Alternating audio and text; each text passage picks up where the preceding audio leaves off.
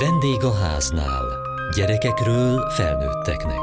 A Kossuth Rádió családi magazinja.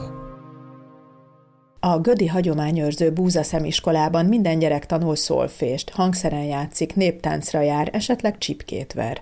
Ezzel már önmagában sokat tesznek az egészséges mentális és érzelmi fejlődésükért. Ráadásul az országos átlag felett teljesítenek például a középiskolai felvételiken. Engem azonban az nyűgözött le a leginkább, hogy mindezt magától értetődő természetességgel teszik. Önfeledten benne élnek a zenében, táncban, jól érzik magukat, és nem is tudják, mennyire kivételes állapot ez. Duda foglalkozás lesz. Bese Botont tanítja a gyerekeket a dudán játszani. Ez most egy hangolás? Igen, most felkészítjük a hangszereket a közös játékra. Fújj bele!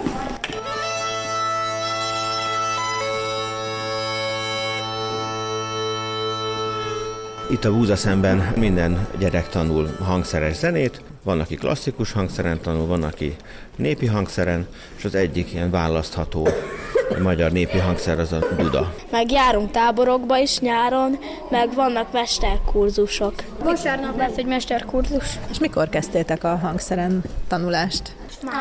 Másodikban. De valaki először mondjuk tovább maradt furuján, és akkor utána becsatlakozott a dudába. Két hangszert is lehet választani. Amikor még, még elsősök voltunk, akkor a furúja kötelező volt. És miért éppen a dudát választottátok? Mert nekem tetszik. Nekem meg a bátyám is dudált, ezért tőle úgy megszerettem, vagy mi. De akkor ezek szerint furujázni mindnyáján tanultatok valamennyire? Igen, igen. igen. És ez ahhoz képest könnyebb, nehezebb? Ha egyszer jól belejössz, akkor szerintem könnyebb. Igen, csak azért nehezebb mondjuk, hogy hány sípot fújsz, mert a a Boton bácsi, ő felépíti a dudát, tehát úgy csinálja, hogy elsőnek csak egy sípot, utána kontrasíp, utána kontrasíp az a... Tehát fokozatosan tanuljátok? Igen. Igen. Igen. Tehát akkor egészen hamar sikerélményhez juthatnak a gyerekek? Van egy olyan módszer? Igen, ez a cél. Tehát ez a magyar kecske duda, ami egy pásztor hangszer, viszonylag összetett hangszer a népi fúvósok között, és három lépcsőben épül fel a kezük alá a hangszer. Emlékeztek még arra, hogy mi volt az első dallam vagy dal részlet, hát amit eljátszottak? a sisselnap, meg ilyenek, de azokat először még elektromos dudán, mert másodikban még nem nagyon nem voltunk annyira ügyesebbek, és akkor elektromos dudán tudjuk gyakorolni, hogy hogy kell, utána majd hozzáteszük a fújást, és így, így tovább. És az elektromos duda, ez egy duda szimulátor. Van egy eh, barátunk, Adorján István, aki egy nagyon jó dudás, népzenész, és mellette pedig villamosmérnök, és csinált egy ilyen duda szintetizátort, úgymond, amivel fújás technika nélkül lehet a dallamjátékot gyakorolni. És ez nekünk egy fontos tanulási segédeszköz itt a suliban. Tehát amikor az első időben még a fiúknak a elfárad a szája egy pár perc fújás után, akkor letesszük a hangszert, és pihenésként az elektromos dudán tudunk dallamot gyakorolni. Itt a srácok egy duda zenekart alkotnak? Igen, itt az iskolában évek előtt megalapítottuk az Aprája duda zenekart. Ez az Aprája, ez egy zenei fogalom. Tulajdonképpen egy, egy kis, rövid közjáték dallamot jelent. Hát ugye ez azt jelenti a mi esetünkben, hogy aprók zenélnek, és hát ez egy közös zenélésnek az élményét, hogy könnyebben meg tudjuk szervezni, és akkor kialakítottunk egy zenekari repertoárt, ahol vannak népdalokból, meg ilyen történeti régi zenei dallamokból összeszerkesztett konkrét számok, úgymond.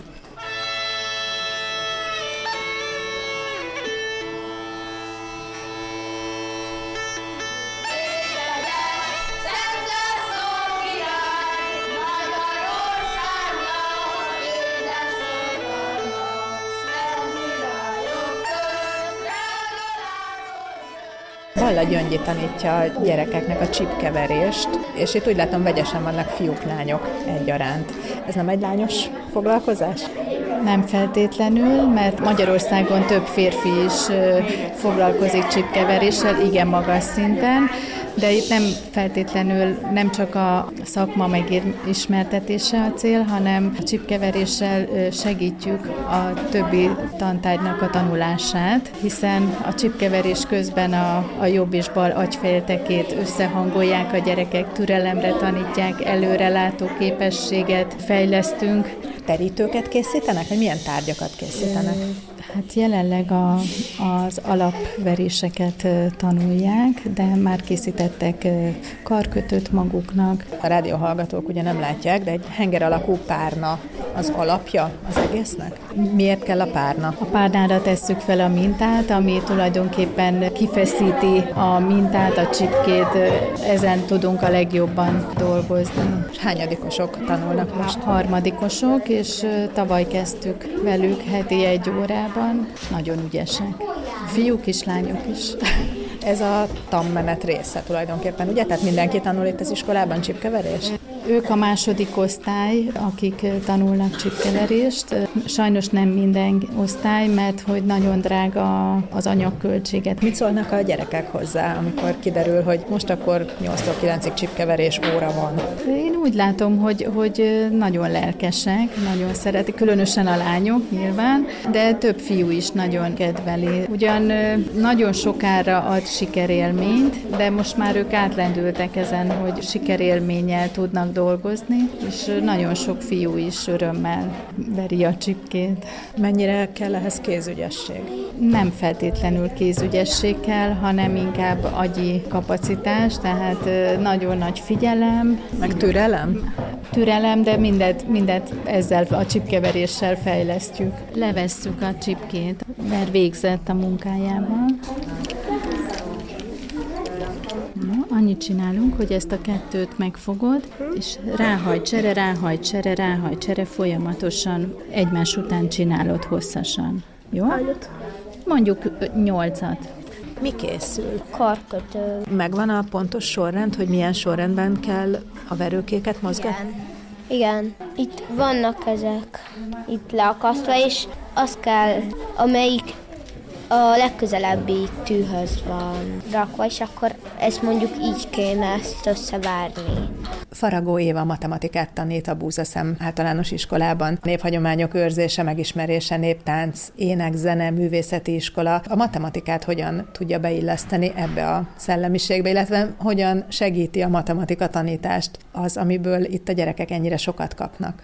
Nagyon-nagyon sokat számít az, hogy a gyerekek kicsikoruk óta tehát egészen piciként elkezdenek népi gyerekjátékokat játszani, amiben ugye rengeteg pörgés, forgás van, ritmusra kell mozogniuk, nagyon sok keresztmozgás van, ami mind-mind fejleszti az ő agyukat.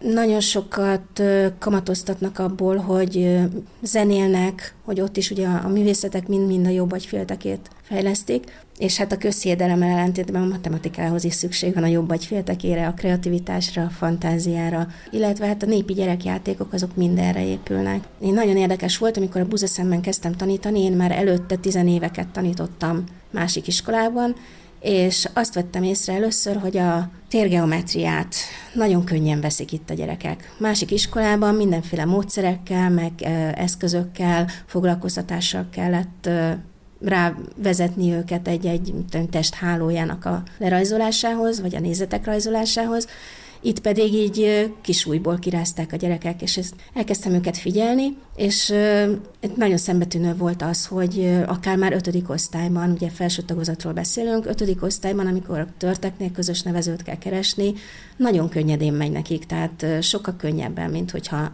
nem tanultak volna a táncot, zenét, és nem lett volna ez a rengeteg mozgásforma az életükben, egészen kiskoruktól kezdve. És ez így végig vezethető, én az egész felső tagozatban látom, hogy sokkal könnyebben veszik a matekot, sokkal jobban meglátják az összefüggéseket, és a térlátásuk is sokkal, de sokkal jobb. Nyilván a, a nagyobbak, tehát a felső tagozatosok már egész bonyolult táncokat is táncolnak, és ez, ez mind visszahat arra is, hogy a matematikát sokkal könnyebben megértik, elsajátítják.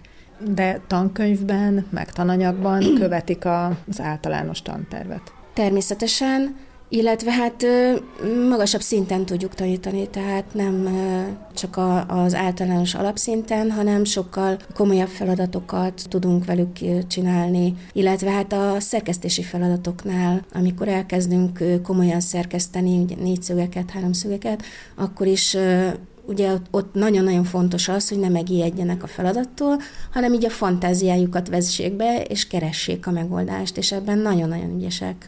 Tehát ilyenkor már a jobb agyféltekéjük azért kellőképpen fejlesztve van, és nagyon jól meglátják, hogy mit kell csinálni, hogy kell csinálni.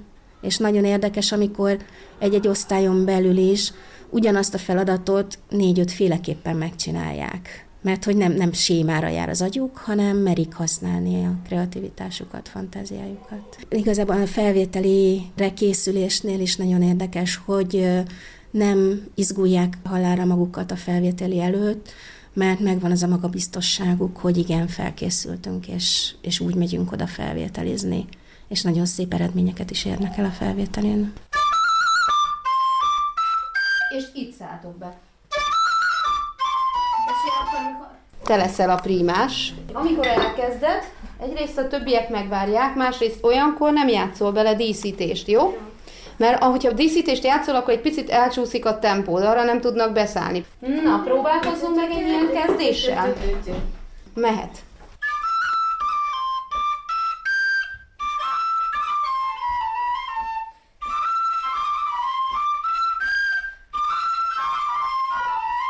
Van kedvenc olvasmányotok? A Hobbit.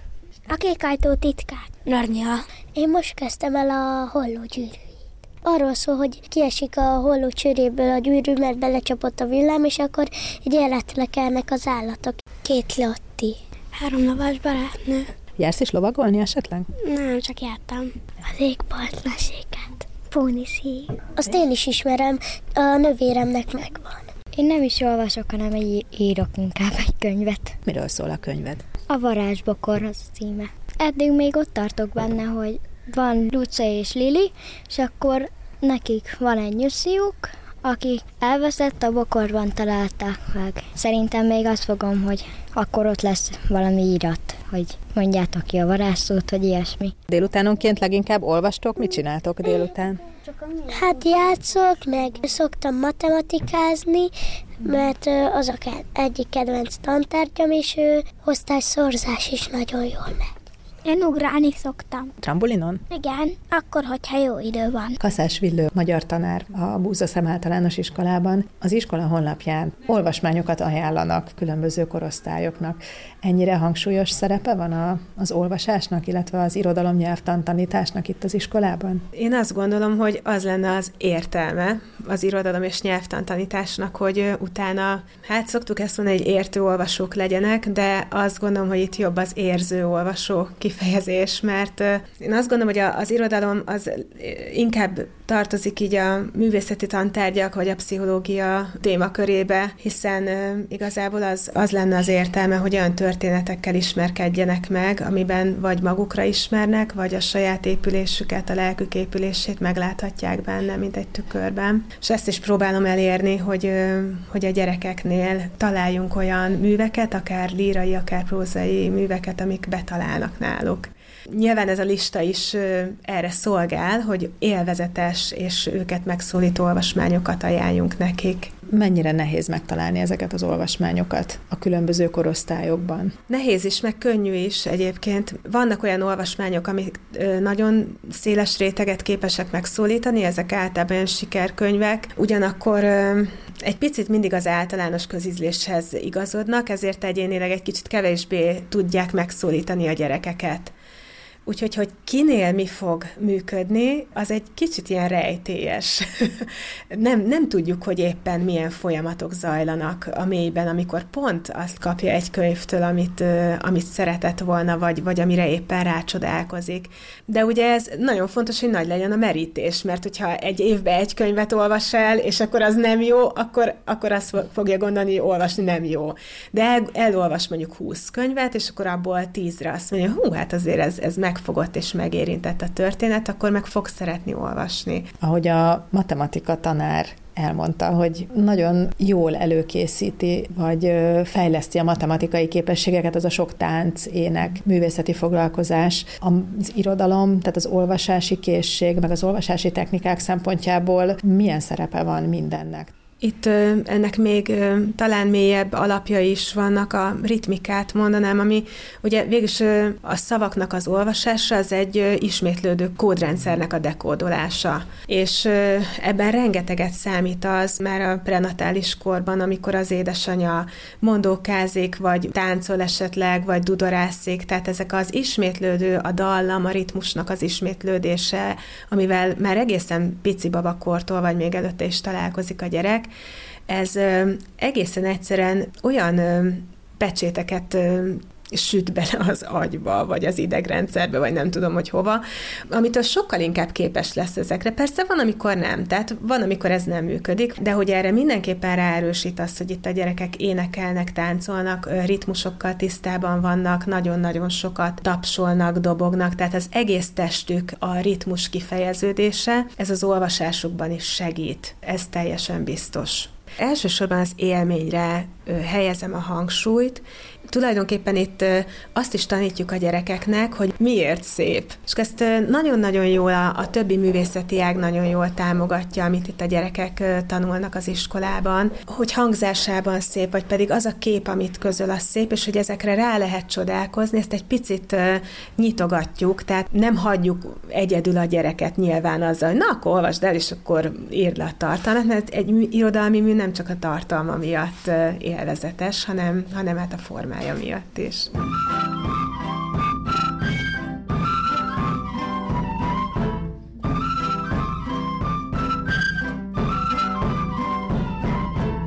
Horváth Szilárd a Búzaszem iskola egyik alapítója és jelenleg igazgatója is, és amellett, hogy iskolát alapított, a médiában dolgozik a Kossuth Rádió műsorvezetőjeként, szerkesztőjeként. Van olyan kislány, akit nemrég hoztak át hozzánk, és a szülei sok mindent elmondtak másfél hónap után, hogy miben változott a gyermekük.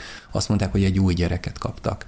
Egyrészt hatodik osztályos gyermek délutánonként nem az osztálytársaival csetel, hanem olvas otthon, és már másfél hónap után a harmadik könyvet adták a kezébe, és ő kérte. Elkezdett tanulni magától és azzal, hogy a társaival kiegyensúlyozott jó kapcsolata van, azzal valahogy a családi életük is egyensúlyba került, tudtak újra beszélgetni vele például, ami hát egy kamasz gyerek esetében nagy kincs tud lenni.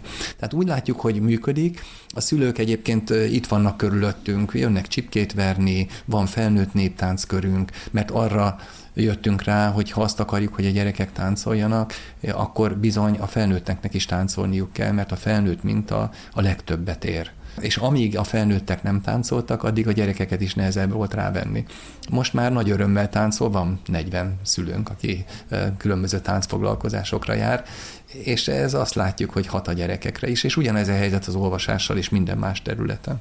Mivel az iskola tantervében alapvetően szerepelnek művészeti foglalkozások, akkor itt nincs is szükség külön órára járni, tehát lehet egy emberléptékű a kisgyerekekre vagy a gyerekekre szabott ritmust tartani? Mi itt minden szabályt betartunk. Tehát a natnak megfelelően oktatunk, összefűztünk két iskolát, egy általános iskolát és egy művészeti iskolát. Tehát adott esetben lehet egy gyermeknek 9 órakor már zeneórája, vagy éppen szolfés órája, vagy néptánc órája, és aztán utána egy komoly óra, majd megint egy komoly talan óra, de persze ezt csak idézőjelben mondom, mert szerintünk a művészetek a legkomolyabb fejlesztést nyújtják a gyerekeknek. 1972-ben Kokas Klára írta meg először, hogy érdekes módon az a gyermek, aki heti egy énekórában részesül, a Kodály módszer szerint, hát ez nagyjából népdalt jelentett, népdal éneklést jelentett, meg kis kórus éneklés talán, az 15-20 százalékkal jobban teljesít negyedikes kora végére, mint az a gyermek, aki ezt nem kapta meg. Aztán vannak ilyen felméréseink, hogy akinek mesélnek, az hat éves korára másfél évvel megelőzi fejlődésben azt a kortársát, akinek nem mesélnek, és így tovább tudnám mondani a táncnak, a népi kézművességnek, a természetes anyagokkal foglalkozásnak. Ez ugye művészetterápia, ha valakivel baj van, mi itt megelőzzük a bajt. És azt gondoljuk, hogy amellett, hogy a gyerekeink tényleg nagyon szépen szerepelnek, azért a mostani nyolcadik osztályosaink úgy, hogy nem válogattuk őket akkor mindenkit felvettünk, aki az iskolába jelentkezett, mert most ugyan már három-négyszeres túljelentkezés van, de akkor még nem volt. Tehát ezek a gyerekek, akiket nem válogattunk, de így neveltük őket, hogy az óráik harmada művészeti, népművészeti óra volt, mert mindenki zenélt, mindenki táncolt, mindenki járt szolfésra, és, és kézműveskedett, és rajzolt, és énekelt. Most nyolcadik osztályban, amikor felvételiztek, 74,8 pontos felvételi átlagot írtak. Ugye a magyar átlag 54 pont. Az elmúlt években folyamatosan emelkednek ezek az eredményeink, a kompetencia mérésben is a gyermekeink nagyon gyakran megközelítik, néha beérik, és egyszer-egyszer megelőzik a 6 meg 8 osztályos gimnáziumok átlagát. Ugye itt tehetséggondozó intézményekről beszélünk, a mi iskolánkban pedig nem válogattuk a gyerekeket, akik ugyanezt az eredményt hozzák. Tehát azt látjuk, hogy a művészeti neveléssel okos, jó magyar identitású, jó személyiséggel rendelkező, egymásra figyelő, érzelmi intelligenciával rendelkező, és ami nagyon fontos, jó pszichológiai immunrendszerrel rendelkező gyerekeket lehet nevelni. És a pszichológiai immunrendszer az azt hiszem a kulcsa mindennek mert ez hozza meg, hogy egyensúlyban vannak a gyermekeink, ezek hozzák meg a motiváltságukat, ezek hozza meg a jókedvüket, hogy közösséget tudnak maguk köré építeni. Mi azt is fogalmaztuk meg magunknak, hogy a nevelésünk célja az, hogy azok a gyerekek, akik tőlünk kikerülnek, majdan a családjuk, a nemzetük és az egyházuk kovászai legyenek.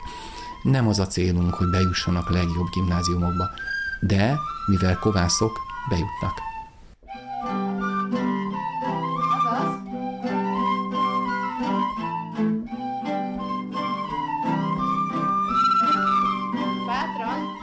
Mai adásunkban a Gödi Búza Szemiskolában arról beszélgettünk, hogy hogyan fejlesztik a művészeti tevékenységek a tanulási képességeket. Kövessék műsorunkat podcaston, vagy keressék adásainkat a mediaclick.hu internetes oldalon. Várjuk leveleiket a vendégháznál kukac mtva.hu e-mail címen. Műsorunk témáiról a Kossuth Rádió Facebook oldalán is olvashatnak. Elhangzott a vendégháznál. A riporter Hegyesi Gabriella, a gyártásvezető Mali Andrea, szerkesztette a felelős szerkesztő Hegyesi Gabriella.